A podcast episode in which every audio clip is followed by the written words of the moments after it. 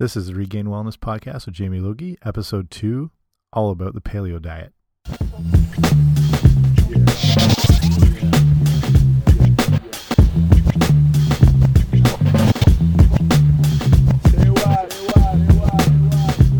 Hey guys, this is Jamie Logie. This is uh, my second episode of the Regained Wellness Podcast. In the first episode, I just started talking about things you can come to expect with this new podcast, things we're going to cover, topics, um, primarily based around nutrition, but also anything that's relevant to you know, fitness and health, wellness. So there's a lot that can always be covered. Uh, so yeah, I run regainedwellness.com. You can head over to the website, just check everything on there. I've got a lot of great blog articles. There's some good free guides you can sign up for. If you sign up for the mailing list, I'll send you off my healthy eating starter kit. So it's an ebook that's got a lot of good information on things you want to include in your diet, things you want to cut out. Um, and it's just kind of a good jumping off point if you're new to getting healthy and not sure where to start. So today we're going to jump right into one of the probably biggest topics out there. We're talking about the paleo diet, which is also called the ancestral eating diet. You've probably heard of it. You might be doing it yourself. You might know other people that have done it. You might have seen celebrities on TV talking about it. So, this is kind of a breakdown of everything that the paleo diet includes, um, why some people might be taking it a little too far. Um, is, is it even possible to eat a true paleo diet. So that's what we're going to get on to today. So to start off, the paleo diet, um, the word paleo itself comes from uh, the Greek adjective paleos, meaning very old, and that's basically what the paleo diet is—a very, very old diet. So the paleo diet or ancestral eating is simply eating the diet that our Paleolithic ancestors would have eaten um, from around 2.5 million years ago until roughly 10 to 12,000 years ago. So that would be right up to the age of the uh, beginning of agriculture and the domestication of grains and things like that.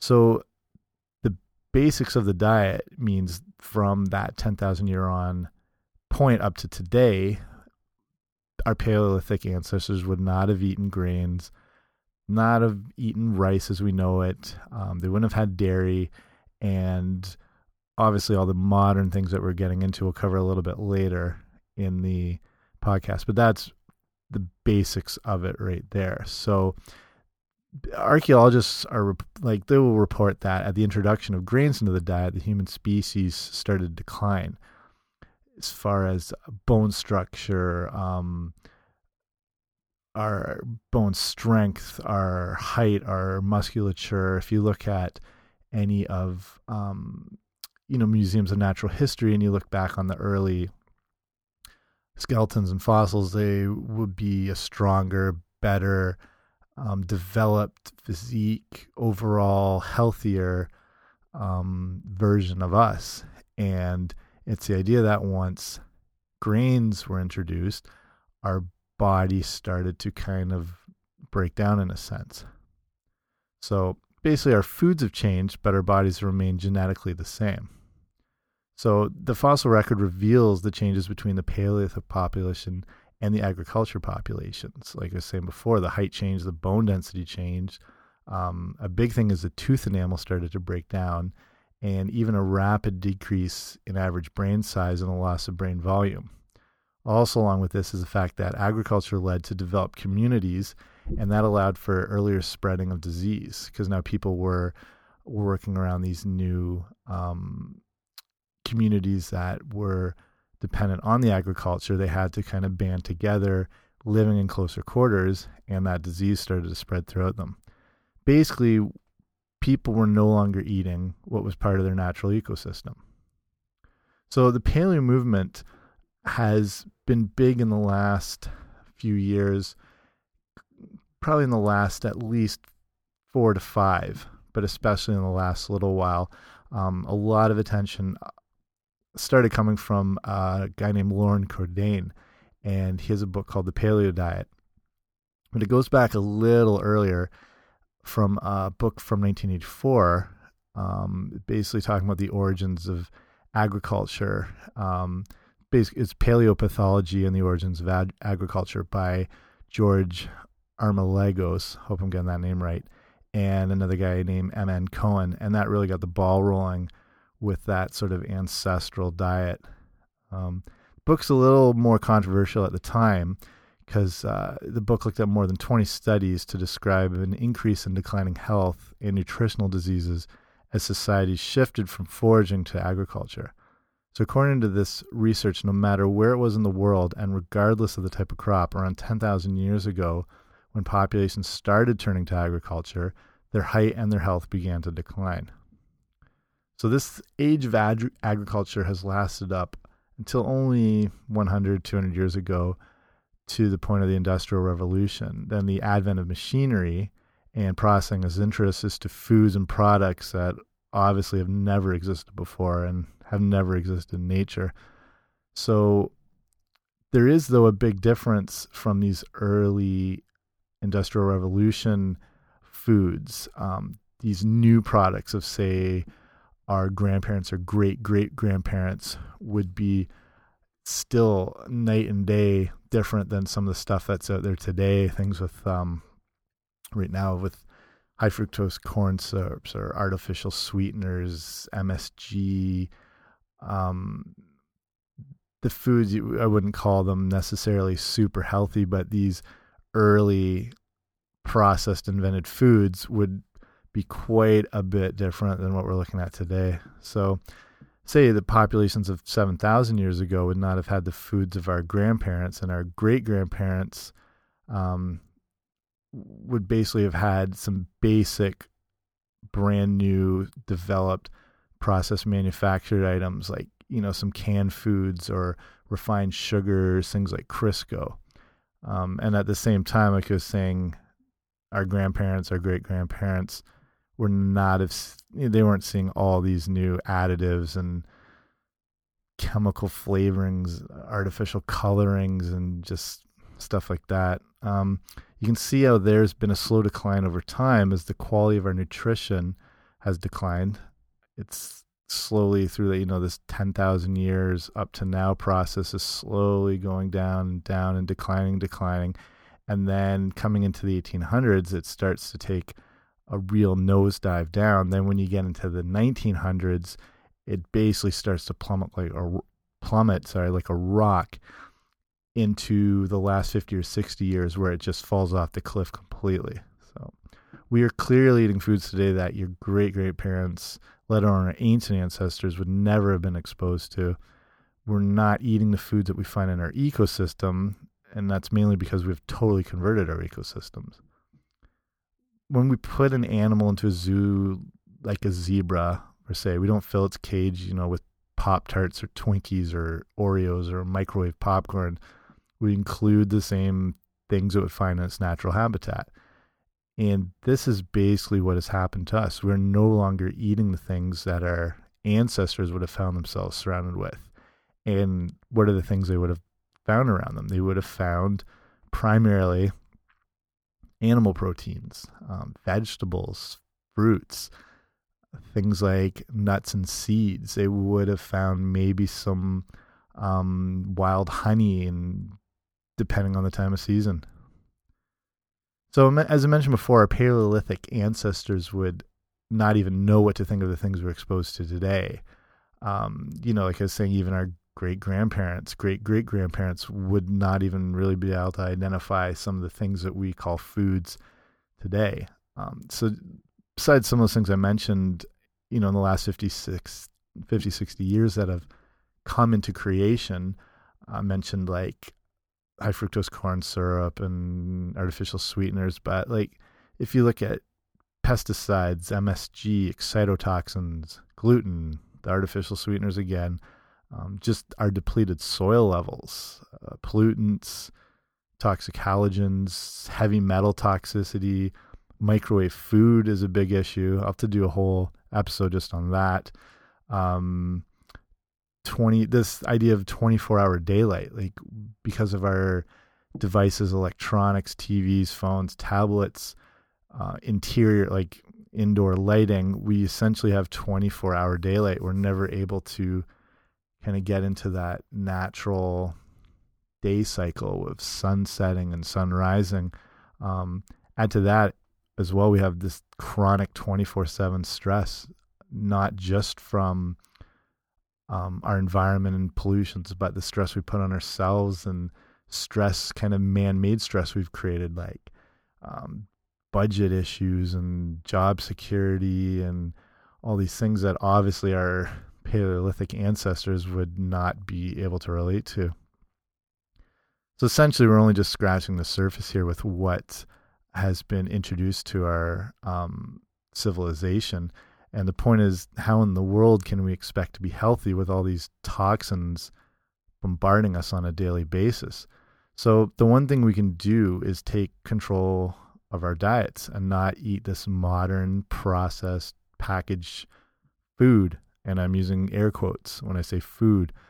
Um, at this same time, when we start to avoid these packaged and processed items and we start incorporating in fresh organic vegetables, we help equip our body to begin to eliminate all these toxins.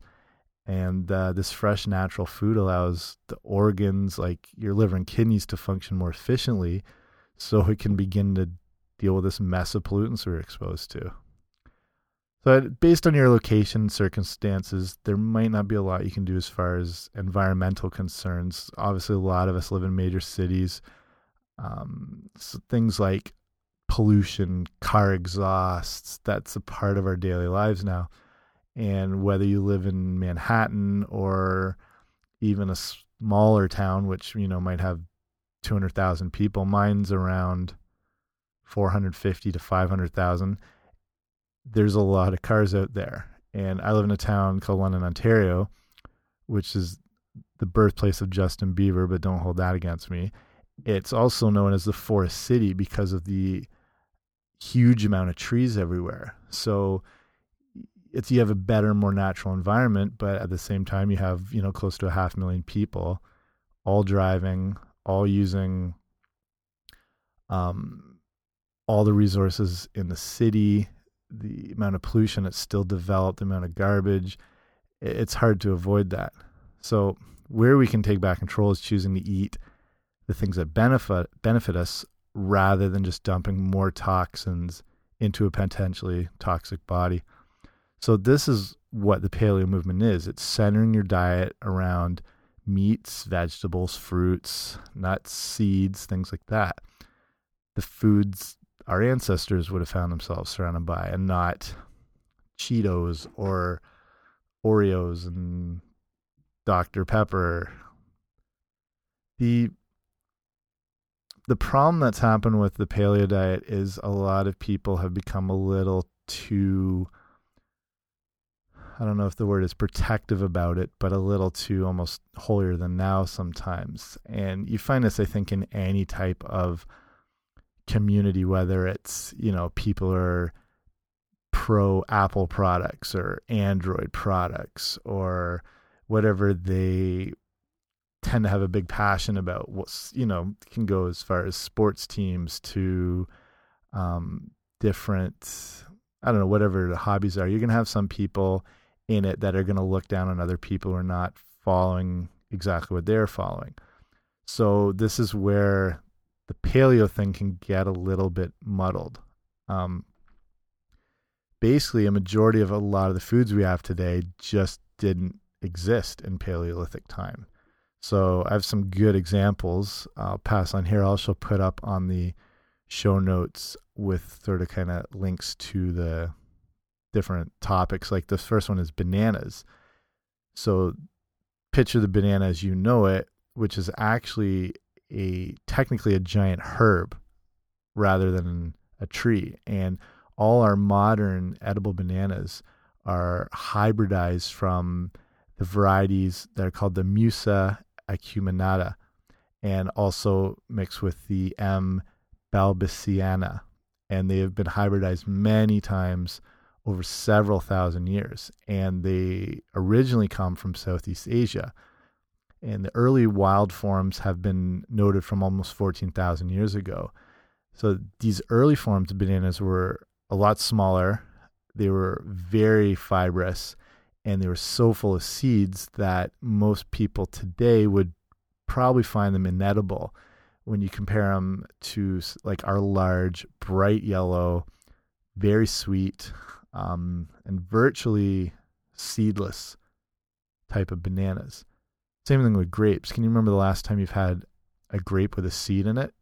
Like growing up, I didn't want to eat grapes all the time because you're always spitting out the seeds. But we same thing like with watermelon. We've been able to engineer these foods so they've are seedless, so more people will be able to enjoy them.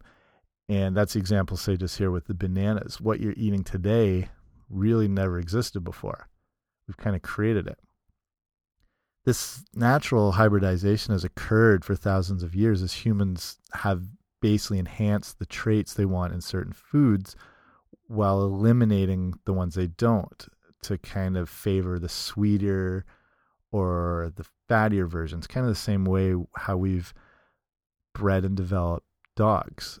If you think all dogs have um, descended from gray wolves, we have we've been able to kind of create these new species. So you you put like a Great Dane next to a Chihuahua, they look completely different, but we've been able to alter and develop the species down, picking traits we like, taking out traits we don't, kind of crossbreeding until it becomes you know something we desired and we've done the same thing with our food so basically the point is with these bananas uh, the ones we're eating today are nothing like what our ancestors would have consumed um, when I talk about that dog issue the same thing happens with some forms of vegetables and specifically the brassica oleracea so this is one form of plant and just from that form of plant, we've been able to cultivate out of that kale, cabbage, broccoli, cauliflower, and Brussels sprouts. So, you know, there's always the idea of eating a wide variety of foods. So when you're saying, you know, oh, I had kale, then I had cabbage. At one point, I made cauliflower soup. At another point, you're essentially still eating, eating the same species of food. It's one singular plant that we've been able to develop these different kind of offshoots from. Um, and the same thing is none of these plants had ever existed before. We're now eating brand new products that, you know, our Paleolithic ancestors would not have been able to identify, depending on where they lived or what regions of the world they were in. Um, besides that, some other examples as well as uh, tomatoes originally were a smaller type berry. And obviously, we've developed them these giant, fleshier, almost sweeter type um, fruits, whether you believe it's a fruit or vegetable. Uh, corn was originally more of a kind of ratty, straggly grass called uh. Um, same thing with the fruits that we're talking about. The bananas are, you know, a Paleolithic fruit would have been smaller, uh, harder, quite tart, um, actually quite bitter as well. And if you've ever been into um, very, you know, various forests or a place where you can find wild berries, or our, our backyard where I live has a small apple tree, and the apples that grow in there are extremely tart, um, very sour. It's you know it's a completely organic, natural product. It just like we never this tree just sort of grew over time. It was nothing we had had planted, so it's nothing that we'd you know farmed or cultivated. And I'll eat these apples all the time. When I go to eat a store bought apple, it's so sweet to me it, it, almost tastes like a dessert. It's almost like a candy. Like I, I almost like the last time I ate a grocery store apple, I had to like take a step back because I just I could not believe how overly sweet this thing was compared to all these more natural forms of fruit I'd been eating. Um, along with that, the, these ancient apples, like going way, way, way back, would have been more similar to crab apples. And the same thing, we have in our front yard a crab apple tree. And as ripe as these things will get, they're still so sour. And I'll try to eat them all the time, but you kind of develop the taste for that a little more natural, um, stringent, soury fruit taste. And that's really what fruit is in its natural form. Um, another thing, like, say, our modern potatoes are these big, kind of fluffy, um, soft, easy to, you know, cook, mash up type things. All all the root plants that we have availability today have really changed eh, compared to if you look at um, the idea of Paleolithic root plants, such as you know carrots or potatoes. They were super dense, super thick, very, very starchy, um, almost inedible. And again, depending where you live, you might have seen wild carrots growing or wild potatoes, you know, again, depending what part of the world you live in. And you'll know how fibrous and how tough they look. And you can't even imagine eating them compared to some of these like super fleshy and super, you know, almost ripe um, new root plants. So the point is there's is a wide variety of plants that have only existed in our modern era. And this leads us into um, animal proteins, which is a kind of it's a real cornerstone of paleo diets. Everyone really focuses on their animal meats, primarily um, beef and cattle. And interesting though, in uh, as of 2010, the world's most consumed meat was actually goat because it is eaten by every culture. It's eaten by all forms of religion. Goat is really kind of a good go to no matter where you're from. And actually spent a lot of time in Australia and traveled all around and got to stay on a actual um, cattle ranch that raised goat as well. And I'd never eaten goat until that point. And pretty, honestly, a pretty amazing protein. If you are a meat eater, it's um, hard to describe. Kind of a little bit like reminding me reminding me of pork a little bit but can be used in awesome things like goat curries or you know just stuff like that. Um, as, as of the last studies I looked at, seven you know seventy percent of the world is consuming this um, goat, which I think would surprise a lot of people. When uh, say here in North America, our number one go to for animal protein is going to be either beef or probably chicken. We don't get very creative with our protein sources where say again in Australia people were very well rounded when it came to different types of protein because um, there's a lot available there as far as uh, I got to try kangaroo a lot of people eat crocodile they eat shark um, there's a wide variety when I stayed in uh, work in Connecticut for the summers get to have some real um, venison from like there's a lot of local deer. Here in Canada, you can get into a little bit of moose, but um, primarily you're looking at beef and chicken. Um, and like I said, it's kind of the cornerstone of the paleo diet. Primarily, though, most forces, or sorry, most um, forms of beef are going to be, you know, ground beef steaks, roasts, stuff like that that's sort of the you know kind of coveted parts of the cow. But when we're talking about the cow, and we're talking about the paleo, um, original Paleolithic animals, the cow really didn't exist. So most, all our kind of modern cows have come from an animal called the auroch, which is kind of um, more like a bull. It's kind of um, kind of a more athletic, athletic looking cow, if you can kind of picture that. Um, I'll try and put a picture up actually in the show notes so you can see it had uh, longer outward facing horns. Goes back around two million years, and it survived actually close up to the early 17th century. Um, like I said, it was a bit, it had longer legs, it had a bigger head, it was leaner, had a more athletic type body, and that would have been a more recognizable animal to a Paleolithic individual. They would not really recognize a modern cow. They also would have had a lot of exposure to um, gnu or wildebeest. And, you know, if you've ever seen the ancient cave paintings, those are the animals you tend to see um, drawn. Those are the things they were around most of the time.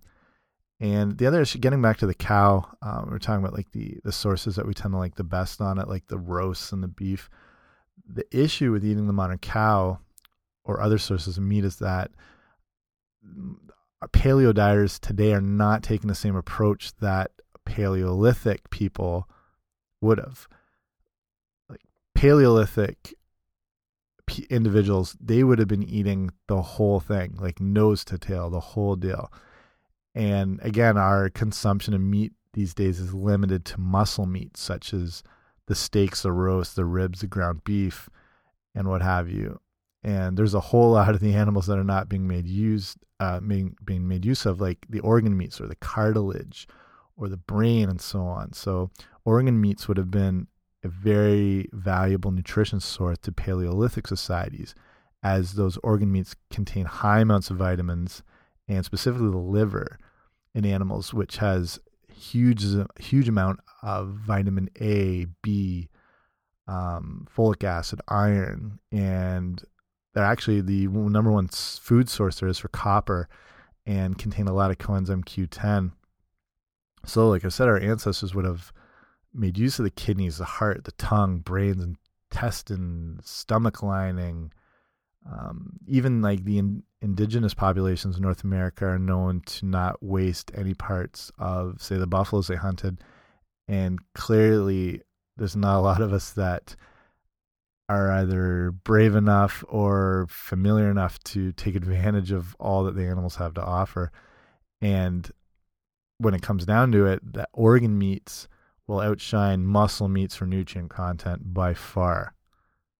So the other big issue when we're talking about proteins and specifically cows or bison or whatever it is is the issue of the grass-fed um, animals, and a lot of our modern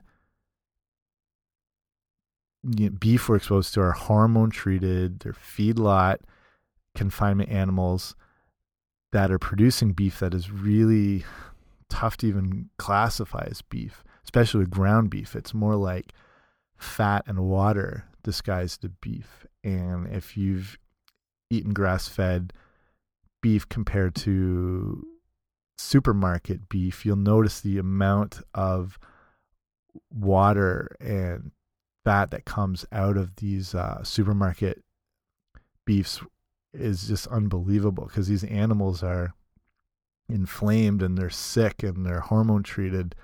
Um, and it's it's basically if you're not consuming a grass fed and finished animal that was born raised all the way through on the natural grasses, you're really not consuming the purest form of that animal. Um, that's yeah, that's a whole other thing we'll talk about. Another episode is the grass fed beefs, which is quite interesting too.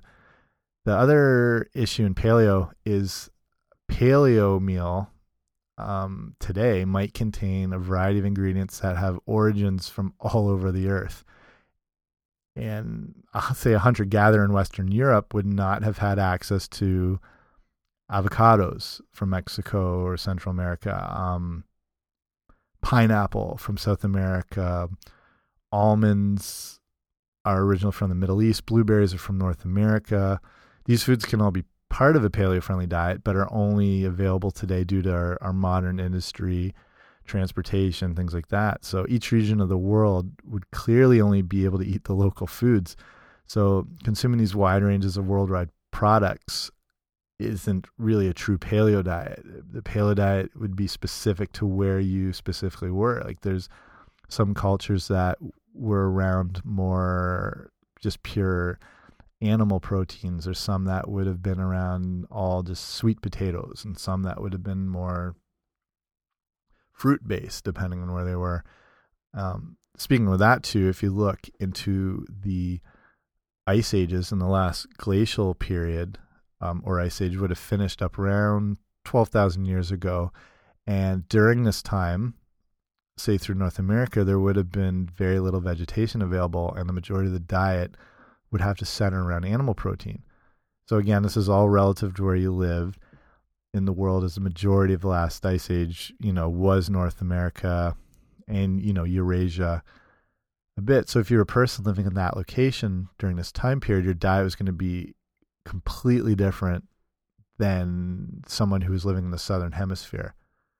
And if you think about it, the Ice Age diet is still being undertaken today by modern Inuits who live in these climates that are pretty much devoid of fauna and they rely on animal proteins and fats as a majority of the nutrition. So this isn't really, you know, trying to dismiss the paleo diet, but just to point out what we're eating today when we say we're eating paleo is kind of a modern paleo or a new age paleo.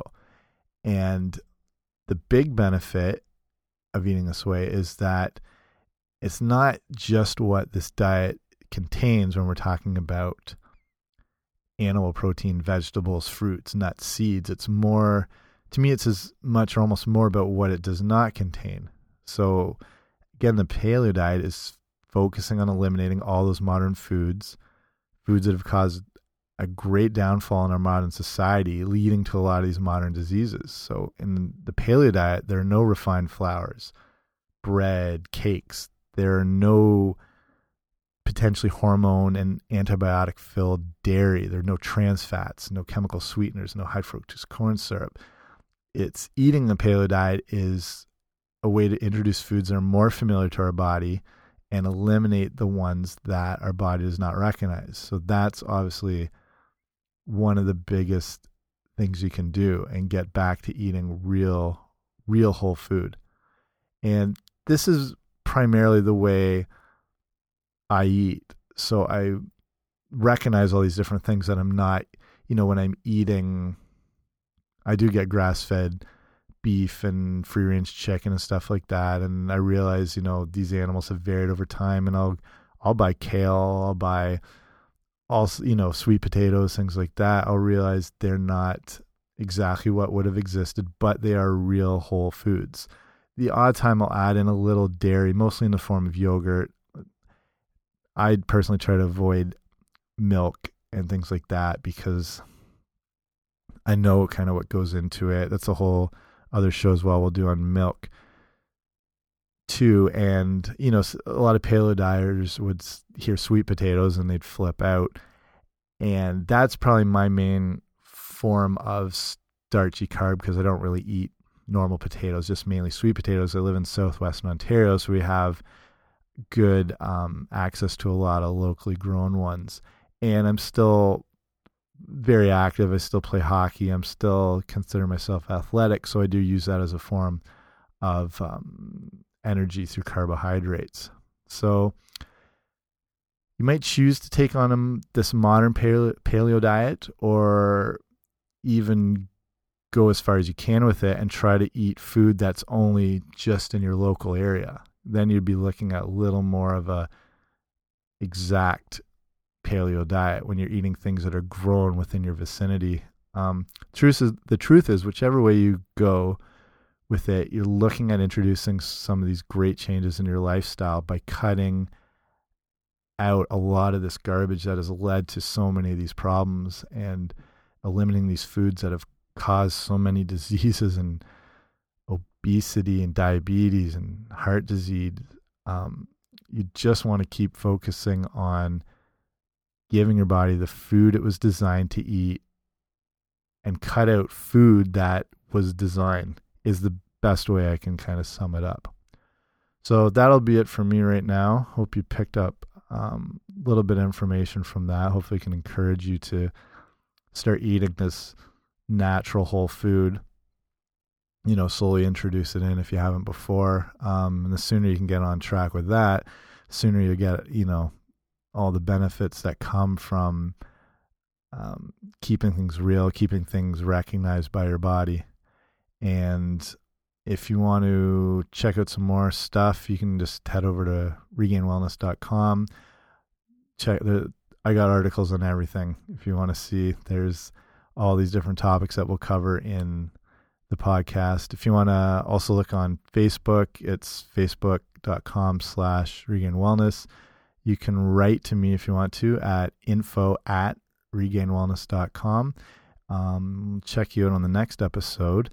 And um, I like to say to people that I've trained, that I work with, whether it's fitness, nutrition, to always focus on progress and not perfection.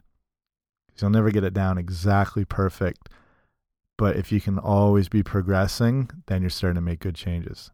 So, see you guys next time.